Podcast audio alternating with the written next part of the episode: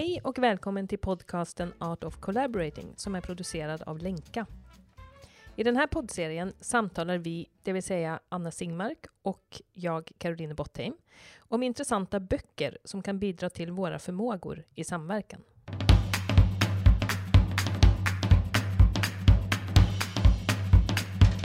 Ja, Anna, nu sitter vi här och eh, ska prata om vår... Vi ska göra vår första podcast om en bok som vi har läst. Det har vi inte gjort förut, så att nu gör vi ett försök. Eh, vi har ju läst boken Sensemaking av Christian Matsbjerg. Matsbjerg, jag tror att han är dansk.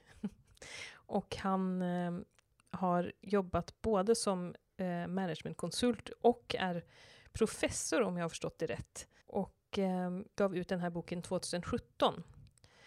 Så ehm, varför valde vi den här boken som vår första podcastbok? Ja, men jag tänker att vi genom åren, nu när vi har intresserat oss så mycket för samverkan, nu börjar jag skratta för det har vi ju faktiskt gjort, nästan lite nördigt brukar vi säga. Eh, och då har vi ju ofta nämnt begreppet sensemaking och också hört andra nämna det begreppet. Att det är en, en intressant, ett intressant ord för just samverkan. Eh, och sen var, slumpade det sig lite grann så att vi var på en bokhandel och så låg den där på en disk och bara ropade på oss. Så jag tror att det var så det egentligen gick till, eller vad säger du? Ja, precis. Det var ju väldigt fint att den låg där. Och um, ja, precis. Vi har använt ordet sensemaking, eller vi använder det ofta för att beskriva någonting som är svårt att sätta ord på på något sätt. Eller där vi kanske försöker hitta andra ord än kommunikation eller eh, vi ska få samsyn eller sådär. Utan att vi pratar om att vi skapar mening tillsammans. Och då kan det ibland finnas kommentarer på det som att vad menar ni med det där och vad menar ni med det där? Och det vet vi ju inte riktigt själva kanske. Men då var den här, den här boken är ju ett sätt som att kanske belysa det lite. Och jag tänker också att det som den här boken handlar väldigt mycket om är ju hur vi skapar mening i vår värld. Och att den egentligen hjälper till att, att få syn på vad är det som, vad använder vi för att skapa mening i vår värld? Ja, vi kan ju passa på att också nämna undertiteln. Eh, Sense making, what makes human intelligence essential in the age of the algorithm. Så det handlar väl också på något sätt om nutiden och användandet av data och vad, vad är det egentligen vi skapar mening kring idag och eh, hur kan vi tänka kring det?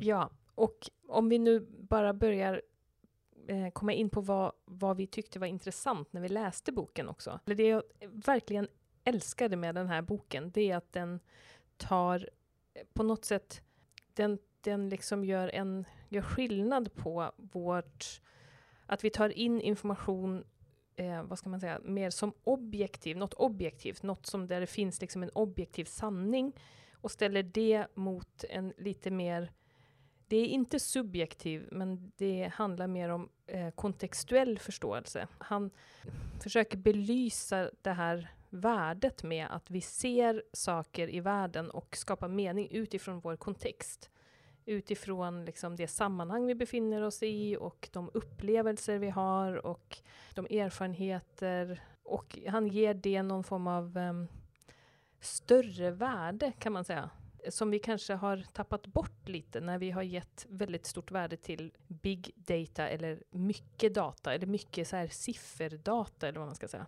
Ja precis och, han problematiserar någonstans då när vi begränsar oss eller när vi inte tar in de här andra aspekterna som till exempel mänsklig upplevelse och eh, kulturell förståelse och egentligen kanske en, en rikare förståelse av verkligheten. Och att vi, det kan finnas en fara ibland när vi tar beslut kanske på information eller data som inte är särskilt rik.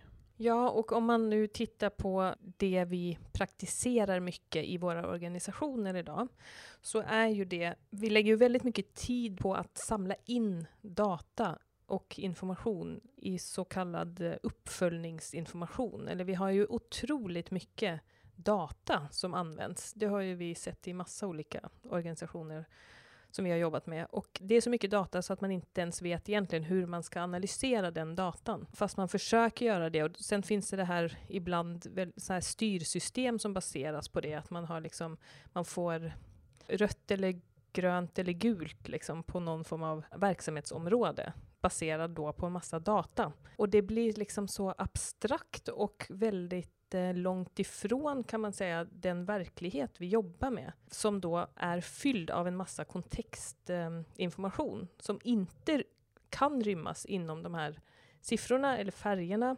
Och då, då sitter vi ju där det beskriver han ju lite kul också det här. Vi sitter i våra sterila kontor, kontorslandskap som inte har någon, som är så långt borta från det vi jobbar med, om vi nu jobbar med, vad vet jag, eh, vård eller eh, socialtjänst eller vi jobbar med att skapa produkter, eh, vad vet jag. Men i alla fall, man är så långt ifrån. Men, oss, men ändå sitter vi ju där och fattar beslut, strategiska beslut. Ja, det är intressant, för ofta förstås när man samlar in stora mängder data så måste man eh, någonstans också, vad ska man säga, Eh, begränsa den eller eh, göra den förenklad för att också rent pragmatiskt kunna samla in den. Och då förlorar man förstås viktiga också aspekter som skulle kunna ge oss intressant information. Eh, och han har ju det här begreppet thin data och thick data. Det tycker jag också var, var ett begrepp som jag kommer att komma ihåg tror jag. Just det här att thin data är mer liksom fakta medan thick data också är ja, när vi får till mer liksom av kontext kring den faktan och varför uppstår någonting och liksom eh, få svar på fler frågor egentligen än det här liksom enbart faktabaserade.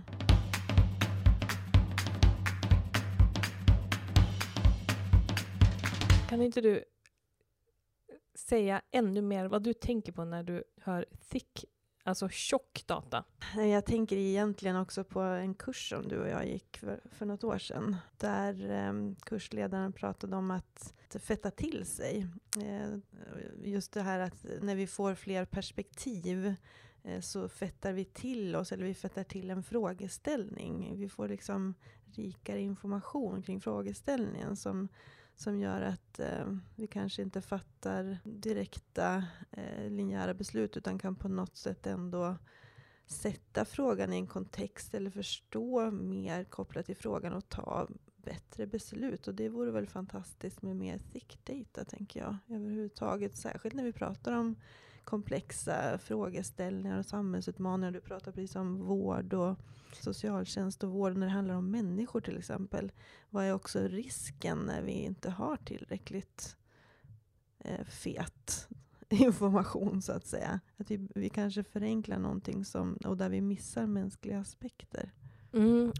Och på något sätt, när vi pratar om att vi ska fetta till oss, eller tjock data, så pratar vi ju också om att, vad ska man säga, ge oss in i någonting, eller alltså våga ta in eh, eller kanske också lägga tid på att förstå någonting på ett rikare sätt. Och nu, nu när jag lyssnar på det, jag bara tänker så här, varför tycker vi, varför gör vi inte det mer egentligen? Och då är min första tanke, ja men för att vi, vi, vi tänker att vi inte har tid med det. Eh, och att det på något sätt är enklare med den här andra informationen. Men sen, han eh, resonerar ju i sin bok också kring det. Han kopplar ju det till eh, både industrialisering och vår övertro på det rationella. Att liksom just den kombinationen av att vi har trott så mycket på att vi kan tänka oss fram till ting bara, eh, och eh, har liksom utvecklat eh, Eh, massproduktion som gör att vi kan tro på effektivitet och sådär. Och den kombinationen av de två menar ju han har gjort att vi har fått en, det har blivit en väldigt stark tro på att just det här isolerat data kan ge oss väldigt snabb, effektiv information om vad vi ska göra eller hur vi kan förstå någonting. Och att vi då liksom inte tar höjd riktigt för det andra. Eller vi, vi har kanske tappat helt liksom vår, eh, vad ska man säga, erfarenhet av vad som behövs för att ta in den här tjocka datan. Alltså, för då sitter vi ju där och, ehm, och har egentligen mest tilltro, tänker jag ibland, till de där siffrorna. Alltså på något sätt, även om det känns lite jobbigt. Eller, eller vi känner att det här är väl kanske inte helt rättvisande eller sådär. Men ändå så, ja men vi kör ändå på det för att det känns liksom på något sätt ändå tryggast utifrån de alternativ vi har på något sätt. Och jag tolkade honom också som att, äm, att uh, det kan ju vara bra, liksom, den data vi har, men att, att vi liksom behöver ett rikare tolknings... Vad ska man säga? ett rikare raster att tolka saker och ting ur. Och han lyfter ju mycket också humanvetenskaperna och liksom konsten och litteraturen och historiken. Och det finns så många, eh, så mycket rikedom egentligen i eh, ja, men, den typen av områden. Och att jag tänker också att vi inom utbildningsväsendet idag kanske utbildar oss inom en viss vetenskapsdisciplin. Vi kanske inte heller är vana att, att se liksom, eh, ska man säga, kunskap utifrån flera olika perspektiv eller ta in kulturella dimensioner i en sfär som inte jobbar så mycket med det och så vidare. Det finns ju mycket också i att vi kanske verkar inom våra olika områden. Ja, och vi synliggör ju inte riktigt kanske det heller då. Alltså de här, vad är det som ligger bakom om man nu säger att man kommer från olika discipliner och eh, det är svårt kanske att eh, eller vi, vi gör ju inte det per automatik, att vi bör berätta om att ja, men jag kommer från, jag har läst eh, pedagogik och organisationspsykologi på det här sättet och min syn på det här präglas av det där och det där och jag kommer från den här logiken. Det är ju inte så vi vanligtvis pratar, utan vi pratar ju ganska kontextlöst också. Det har jag också tänkt på ibland, att vi, vi kan sitta i så många samtal och prata på en ganska abstrakt nivå om begrepp, och det vet vi ju, det är ju i samverkan då, eh, blir ju det väldigt uppenbart, att vi kan prata om samma begrepp väldigt länge, fast vi tolkar begreppet på helt olika sätt beroende på vilken kontext vi kommer ifrån. Och då, nu tänker jag på det här citatet av Vernon Cronin också, som vi brukar använda. You can't say anything important without the details of context. Och det blir ju så uppenbart då egentligen att när vi sitter och bara pratar i något tomrum så skapar inte det så mycket gemensam mening. Det kanske skapar mening för var och en på ett sätt. Men då kan vi lika gärna sitta och prata med oss själva, tänker jag.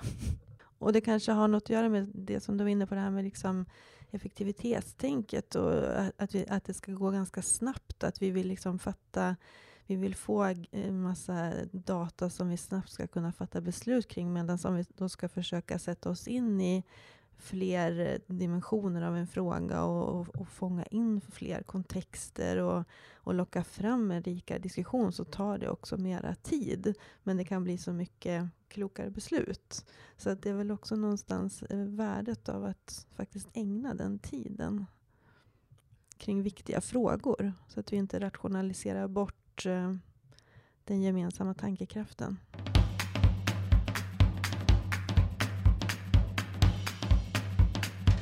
Vi pratade ju eh, innan, det ska man ju inte göra, vi pratade ju innan redan om detta. Men då kom vi ju in på det här med, med alla dessa generaldirektörer bland annat. ja, men som blir generaldirektörer i väldigt olika verksamheter och liksom hoppar runt lite sådär och får olika, de får liksom samma eh, hierarkisk tjänst men i helt skilda verkligheter och kontexter. Och ofta har de då inte en erfarenhet av den kontexten de jobbar i. Och det kan ju vara, och det är ju väldigt intressant att vi gör så där och att vi tycker att det är helt normalt. Det är liksom vanligt att göra så. Eh, att den som är högsta chefen inte egentligen har en erfarenhet av verksamheten. Och jag bara undrar liksom, varför tycker vi att det är så himla normalt och helt okej? Okay? Eh, och varför tycker vi det är svårt att ge oss tid att liksom förstå kontexter och sammanhang bättre? Det är också en del av, måste också vara en del av det här rationaliserandet. Att, att vi tror på något sätt att jo men det finns någon allmän giltig, liksom, ett allmänt giltigt sant sätt att styra en verksamhet på. Och det är ju lite så här det här maskinella tänkandet, det linjära tänkandet. Bara man gör så här, bara man är en bra chef, så är man en bra chef överallt. Och då blir liksom kontexten oviktig. Så det är på något sätt att vi kanske tänker så, att man kan använda, det är ju samma sak som med massa olika managementteorier och modeller, att vi tror att vi använder samma sak på alla verksamheter. Och det, det är också väldigt intressant, för det finns ju massa trender där som är helt oberoende om man jobbar i, inom ideell sektor eller offentlig sektor eller privat sektor, så ska man ändå jobba med performance management.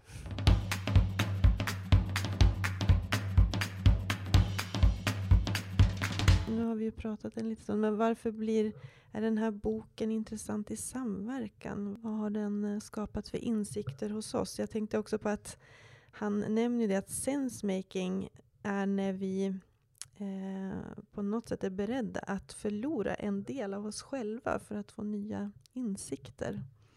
Vad har vi fått för nya insikter av att ha läst den här boken? Vad roligt, det, har, det läste inte jag.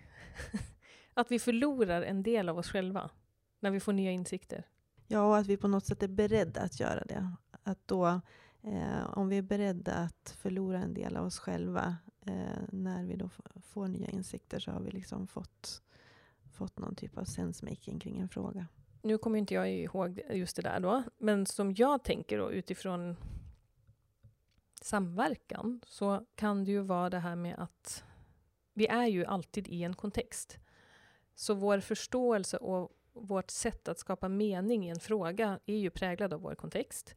Om vi nu går tillbaka till vårt eh, favoritbegrepp autopoesis, att vi hela tiden skapar, skapar ju mening i hela tiden utifrån det vi befinner oss i, så är vi ju väldigt upptagna av att kanske också behålla den förståelsen, eller liksom få in ny information i den förståelseramen.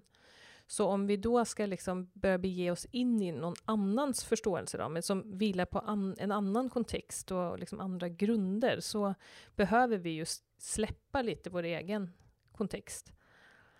Och kanske också inse att den är begränsad. Och det är väl kanske inte det vi tycker är så kul, för vi har ju trott så mycket på det, så att då är det ju inte så roligt att... Alltså om man ser det på det sättet, att vi att vi tror att vi har sanningen liksom, i vår kontext, då, är det inte, då kan det vara svårt att ta in en annan eh, åsikt eller få syn på våra blinda fläckar liksom, i vår kontext. Men ser man det mer som att vi kommer aldrig ha hela bilden för att vi befinner oss ju bara i ett perspektiv, så blir det ju ett berikande. Så relaterade jag till det där. Vad tänker du utifrån den frågan? Att vi ska vara beredda att förlora oss själva? Ja, det är ju en svår fråga. Men jag tänker på kanske det som du sa innan vi också startade det här samtalet. Att, att samverkan är ju någon, eller den, den typen av forum som skapas kopplat till samverkan är ju ofta liksom mötesplatser och eh, processer där vi möter andra perspektiv. Vi möter andra organisationer som är andra logiker. Vi kanske möter andra vetenskapsdiscipliner. Vi möter andra geografier. Att det blir också forum där vi faktiskt kan eh, ha möjlighet att bryta lite grann med den egna kontexten och få nya insikter. Att, vi har ju pratat mycket om att det finns stora potentialer med samverkan. Och, och det, den tanken får man ju också någonstans efter att ha läst den här boken. att och, och, på något sätt en förstärkning av det här med att fler perspektiv faktiskt fettar till en diskussion eller skapar liksom rikare data eh, som gör att vi kan fatta bättre beslut tillsammans om vi är villiga att faktiskt ägna tid och vara nyfikna. Så att eh, det, den har väl egentligen förstärkt det perspektivet, tänker jag. Mm, jag tycker också att den eh, uppmuntrar till att eh, liksom stärka just förmågan att tolka olika, alltså eh, vad ska man kalla, eller, jag tror att han kallar det för interpret, interpretative skills. Säger man så? In, interpreta, alltså tolkningsförmågan. Alltså att vi, eh, och där, nu, då hänvisar ju han till väldigt mycket sådana eh, eh, human, gud vad kallar man nu detta? Nu kommer ju min, min eh, avsaknad av svensk kontext fram här ja, men de alltså vetenskaper som är som, som eh, han går in på fenomenologi till exempel. Eh, kvalitativa forskningsmetoder, skulle jag säga. På mitt språk. Ja, eh, men i alla fall, det här som förmågor som stärker vår, som stärker vår förmåga att eh, förstå och tolka olika kontexter helt enkelt. Hur skulle du säga det på svenska? Eh, oj, eh, nej men jag tycker det var jättebra sagt. Det, det, han pratar väl också om på något sätt vår, vår empati och vår, liksom både, eh, vår förmåga att empatiskt förstå en annan, eh, en annan eh, erfarenhet. Att det är, är viktigt. Och jag tänker ju mer aggregerat och kvantitativ data vi har, desto det, på något sätt blir ju det automatiskt att vi förlorar kontakten med, med de mänskliga aspekterna i det. Så den, jag tänker också att boken slår ju också ett slag för det som, som du säger, liksom att, uh, att samla in också information som är närmare människan, men också att um, han slår ett slag egentligen för, för bildningen också, eller att olika perspektiv kan berika oss Eh, och att vi kan intressera oss för olika aspekter i, i, i livet och i, i vetenskapen.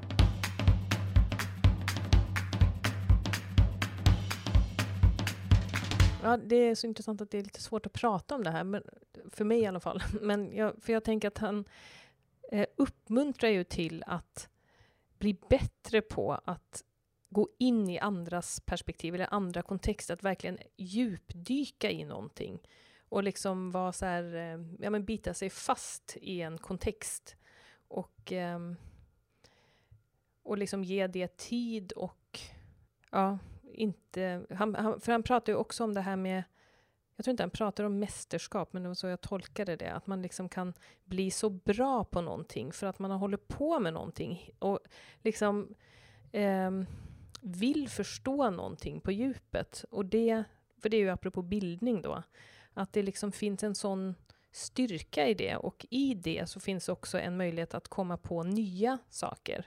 Det är ju väldigt intressant tycker jag när han pratar om eh, eh kreativitet. Eh, att, och han jämför ju det lite med en, syn, en annan syn på kreativitet som handlar om att kreativitet uppstår och innovation uppstår när vi är helt fria från kontext. Alltså ibland så tänker man ju så, nu ska vi tänka helt fritt. Nu ska vi inte alls tänka utifrån det vi brukar göra och sådär. Och typ alla kan vara kreativa inom ditten och datten. Alltså, um, där det liksom är ett värde på något sätt att det är kontextlöst. Men då, och då lyfter ju han motsatsen, nämligen när, när man verkligen går på djupet i någonting, då kan någonting helt nytt växa fram ur det. För att man blir mottaglig liksom för, någon, för något kreativt inom, det, inom den kontexten som kan komma fram. Och då pratar han ju också, det tycker jag också är fint när han kommer in på eh, det här med grace. Som ju då heter nåd på svenska. Eller hur? typ. eh, ja, men där det också är det här, men, eh, när, som bara språket, vis, alltså när vi säger så här, jag fick en idé, eller det kom till mig, eller liksom, det, det är ju också sådana ord som visar att vi vi är inte liksom genier i något ingenmansland heller. Men det är något som kan verka genom oss på något sätt, när vi har blivit väldigt, väldigt bra på någonting. Så det är också... Ja, nu kommer jag in på det ena och det andra här, men, men det är någonting som, som jag verkligen eh, tycker om i den här boken, som handlar om det, att, att han liksom, eh, som du säger, slår ett slag för, för något för en annan, för det som inte ryms inom sifferdata eller algoritmer då, som han ju jämför med eh, och som vi ibland kan ha väldigt mycket tro på. Ja, och då börjar jag också faktiskt tänka på samverkansprocesser och det här liksom organiseringen av samverkansprocesser. Vi har pratat tidigare om att det kan vara viktigt att ha med olika vad ska man säga, nivåer i organisationerna också. Eh, för att om man säger att man eh, bara sitter på någon form av strategisk nivå och aggregerar upp en massa data kring den här samverkansfrågan och liksom förlorar lite grann den, den, liksom det nära perspektivet på det man samverkar kring, så finns det ju också en risk att vi förlorar väldigt viktig eh, kunskap eller erfarenhet. Eh, och att människor som jobbar med en, en, fråga nära har ju väldigt mycket inbyggd erfarenhet kring kring frågan. Vad, viktigt det är någonstans att eh, utforska också en samverkansfråga tillsammans, både med de som kanske rent operativt jobbar med frågan, men också de som, som sitter med någon typ av lite mer aggregerad bild över frågeställningen. Att få med både och, för annars är det ju, eller snarare då vinner vi sannolikt i den här lite mer rikare datan som gör att vi kan få mer information om frågeställningen. Om vi faktiskt lyssnar på vad människor med olika som, som befinner sig i olika delar av systemet har för erfarenhet av den frågan. Eh, jag tänker på till exempel inom sjukvården har man ju börjat jobba mycket med eh, också liksom samverkan kopplat till innovationsinsatser och så. Och ser ju egentligen att de som faktiskt eh, är närmast patienten och vården har ju jättemånga tankar kring hur man skulle kunna förnya vården. Men det är ju inte alltid som de perspektiven har kommit fram i ganska hierarkiska eh, organisationer tidigare. Så att jag får bara de tankarna också, vad viktigt det är att också organisera faktiskt samverkan utifrån att få, få med olika delar av systemet.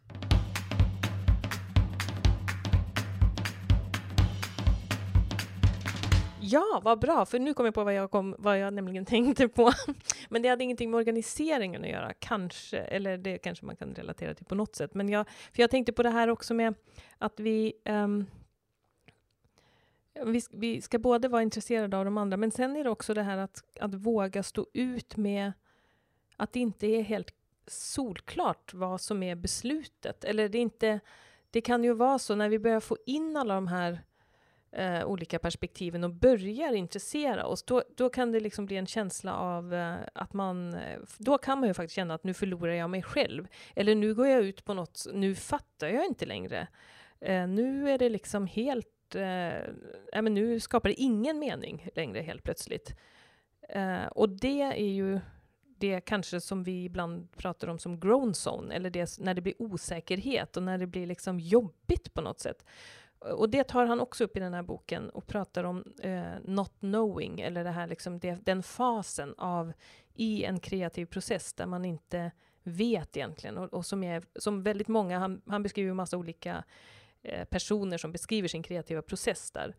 Eh, och som säger att de tycker att det är, väldigt, det är en väldigt jobbig process. Det är inte alls så roligt som man ibland kan få det att låta, att vara kreativ. Liksom. Det är en väldigt så här, påfrestande process ibland. Och det kan ju vara, tänker jag, i en samverkansgrupp då, då är det ju flera individer som ska tillsammans tycka att det här är, alltså bege sig ut på det där not knowing-fältet. Eh, och det är ju inte, då ska ju det liksom, eh, vad ska man säga, då ska man hålla det spacet för det.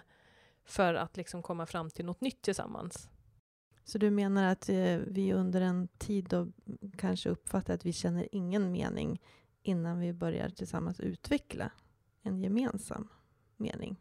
Ja, jag undrar liksom om det kanske är så, eller att det är så, men att vi har ganska svårt och olika toleransgrader för hur länge vi vill vara i det där not knowing för det är ju så då, när, om man nu pratar om det du började prata om, med att förlora sig själv lite och förlora liksom marken under fötterna. Det, det är inte så kul och det är inte heller något som, eh, vad ska man säga, som premieras så mycket kanske i våra organisationer heller. Att det är jättebra när du inte vet och det är jättebra när du är osäker och tvivlar. Det är inte riktigt så det är. Och då bara tänker jag tillbaka till det här varför gillar vi siffror? För, för det kanske också kan ge oss någon form av känsla av trygghet. Eller det liksom, för, för vad skulle hända om vi bara skulle liksom gå runt och vara förvirrade allihopa? Det skulle vara, det går ju inte.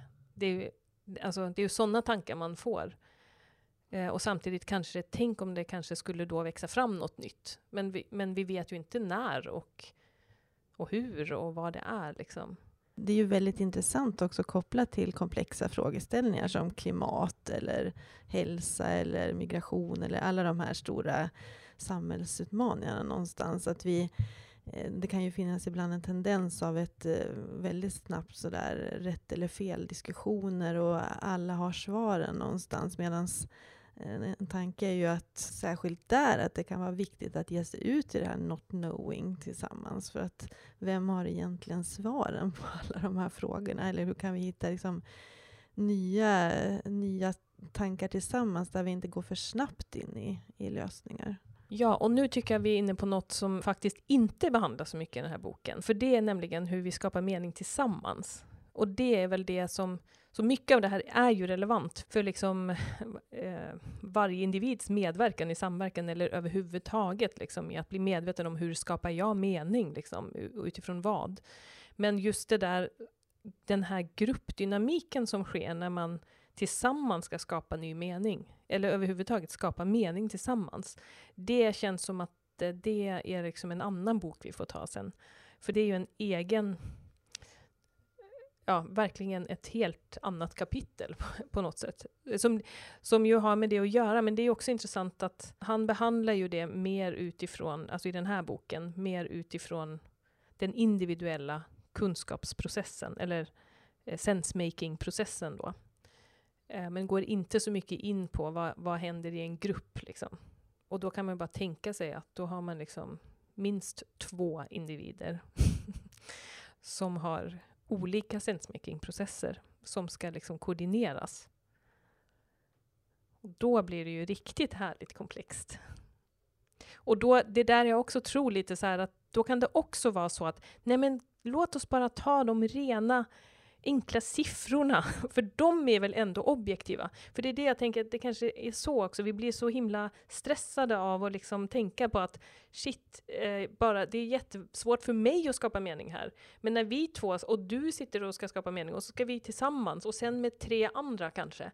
Gud vad jobbigt! Och då är det liksom, de här siffrorna, de, det är något, något frestande med dem lite sådär, att de är ju så objektiva. För alla våra bilder är ju bara subjektiva. Och det är väl det, alltså i den här boken så höjs ju det subjektiva upp. På, alltså han kallar det inte för det subjektiva, men, men liksom det här kontextuella då. Eh, att det är viktigt att få in det, men, men när vi ska då göra det tillsammans så blir det ytterligare en dimension på det som, eh, som vi behöver titta närmare på. Precis, och det får vi väl eh, intressera oss för i nästa avsnitt.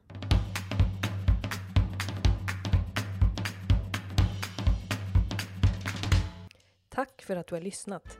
Den här podden är producerad av Lenka och redigering görs av Emma Larsson som är skribent och dokumentärfilmare. Vi hoppas att du blev inspirerad och stärkt i ditt intresse för att fortsätta utforska fenomenet samverkan.